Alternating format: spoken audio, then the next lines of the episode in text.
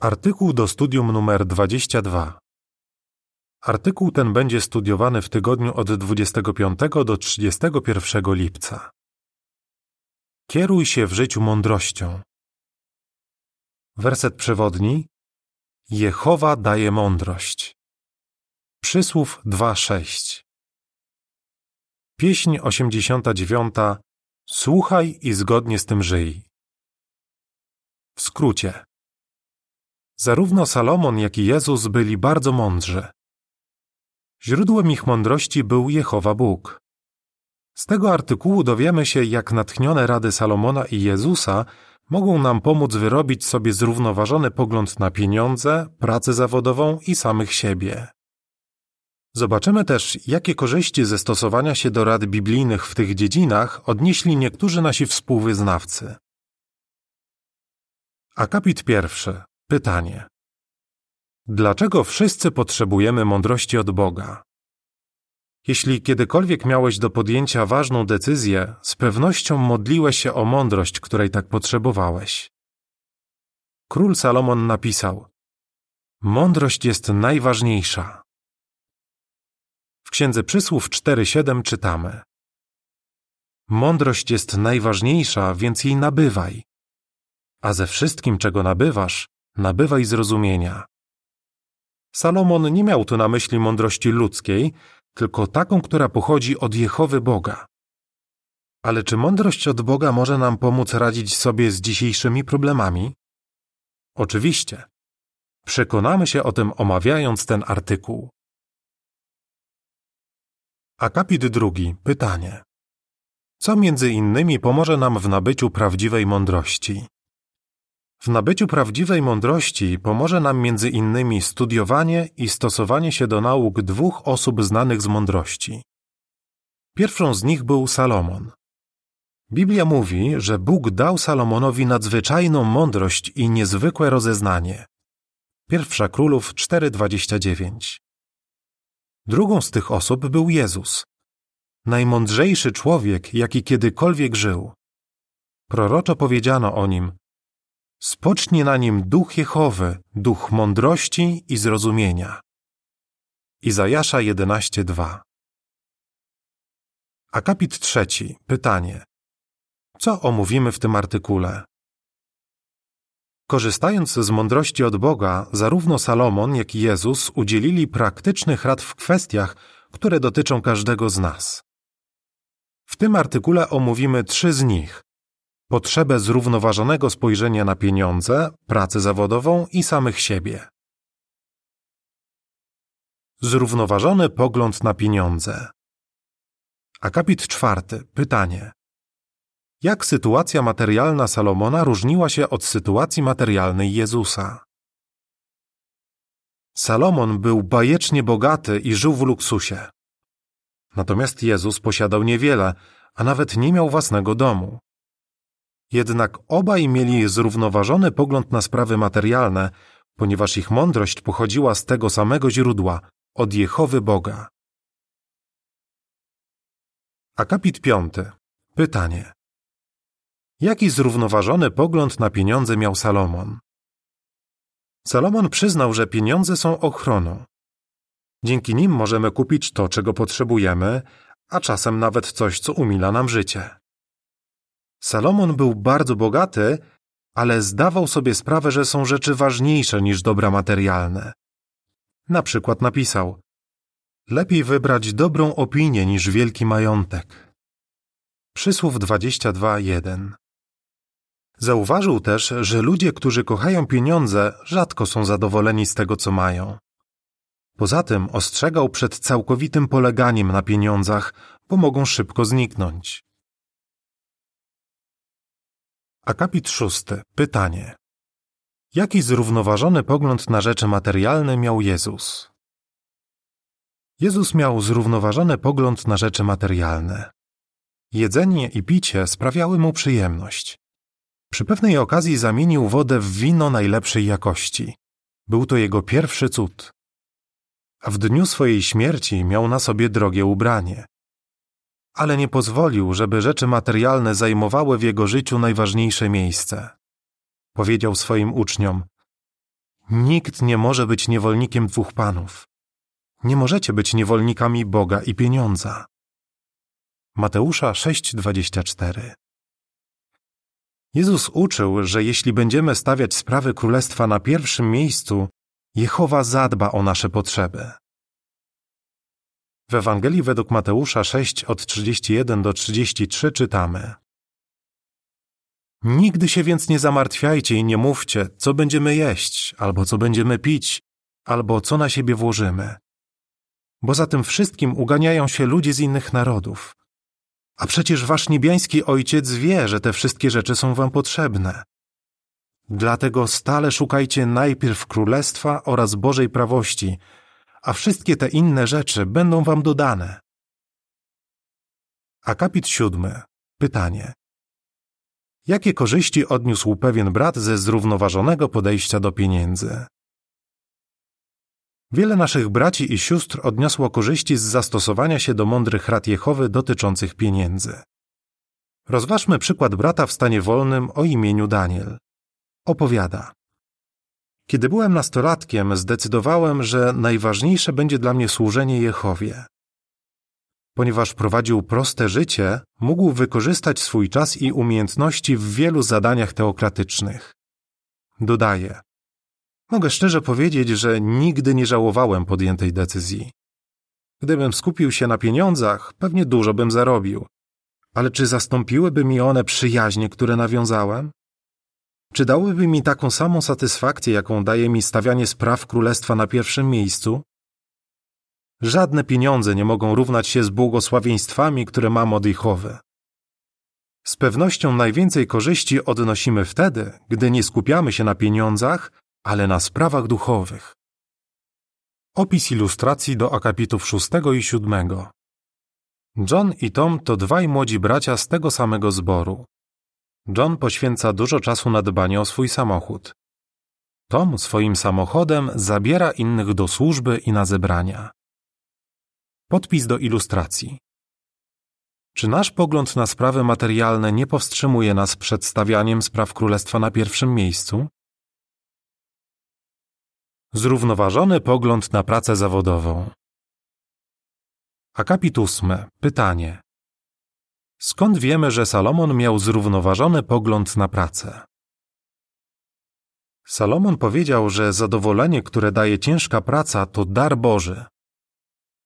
W Księdze Kaznodziei 5, 18 i 19 czytamy Zobaczyłem, że jest to dobre i słuszne, gdy człowiek je i pije i czerpie zadowolenie z całej ciężkiej pracy, którą się trudzi pod słońcem w trakcie swojego krótkiego życia danego mu przez prawdziwego Boga. To przecież jest jego nagroda. Ponadto, gdy prawdziwy Bóg daje człowiekowi bogactwo i dobra materialne oraz możliwość cieszenia się nimi, człowiek powinien przyjąć swoją nagrodę i cieszyć się swoją ciężką pracą. Jest to dar Boży. Salomon napisał: Każda ciężka praca przynosi korzyść. Przysłów 14:23. Wiedział o czym mówi. Sam był pracowity. Budował miasta, domy, sadził winnice, zakładał ogrody i sadzawki. Była to ciężka praca i na pewno dawała mu pewną miarę satysfakcji. Ale Salomon rozumiał, że prawdziwe szczęście zależy od czegoś więcej. Podejmował się też zadań związanych z wielbieniem Boga.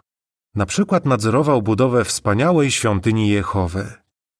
Trwała ona siedem lat. Po tym, jak zaangażował się w mnóstwo różnych zajęć, zarówno świeckich, jak i duchowych, stwierdził, że zajęcia duchowe mają o wiele większą wartość. Napisał: Ze wszystkiego, co powiedziano, wypływa następujący wniosek: Bój się prawdziwego Boga i przestrzegaj Jego przykazań. Kaznodziei 12:13 Akapit 9. Pytanie. Jak Jezus dbał o to, żeby praca zajmowała w Jego życiu odpowiednie miejsce? Jezus również był bardzo pracowity. W młodości pracował jako cieśla. Bez wątpienia jego rodzice byli mu wdzięczni, że pomaga im zaspokajać potrzeby ich dużej rodziny. Ponieważ Jezus wykonywał swoją pracę w sposób doskonały, jego wyroby prawdopodobnie cieszyły się dużą popularnością. Na pewno lubił swoją pracę. Jednak mimo, że się do niej przykładał, rezerwował też czas na zajęcia duchowe. Później, kiedy poświęcał większość czasu na głoszenie dobrej nowiny, poradził swoim słuchaczom. Pracujcie nie na pokarm, który się psuje, ale na pokarm, który jest trwały i zapewnia życie wieczne. Jana 6:27 A w kazaniu na górze powiedział: Gromadźcie sobie skarby w niebie. Mateusza 6:20 Akapit 10. Pytanie. Przed jakim wyzwaniem może stanąć dobry pracownik? Dzięki mądrości od Jehowy możemy wyrobić sobie zrównoważony pogląd na pracę zawodową. Jako chrześcijanie jesteśmy zachęcani, żeby ciężko pracować i wykonywać uczciwą pracę. Efezjan 4:28 Pracodawcy często dostrzegają naszą uczciwość i pracowitość, a nawet mogą mówić, jak bardzo nas za to cenią. W nadziei, że nasz pracodawca będzie miał jeszcze lepszą opinię o świadkach Jehowy, moglibyśmy zacząć pracować po godzinach. Jednak szybko mogłoby się okazać, że zaniedbujemy obowiązki rodzinne i zajęcia duchowe. Powinniśmy wtedy dokonać zmian, żeby odzyskać równowagę. Akapit 11. Pytanie. Czego pewien brat nauczył się o zrównoważonym podejściu do pracy? Młody brat o imieniu William nauczył się od pewnego starszego, który go zatrudniał, dlaczego warto stawiać pracę zawodową na właściwym miejscu. Powiedział: Ten brat to wzór zrównoważonego podejścia do pracy. Jest pracowity i rzetelny, dzięki czemu ma dobre relacje z klientami. Ale pod koniec dnia wie, że trzeba powiedzieć pracy dość i skupia się na swojej rodzinie i wielbieniu Boga. I wiecie co? To jeden z najszczęśliwszych ludzi, jakich znam. Opis ilustracji do akapitów 10 i 11. John pracuje po godzinach. Nie chce zawieść swojego szefa. Dlatego za każdym razem, kiedy szef prosi go, żeby został po godzinach, on się na to zgadza.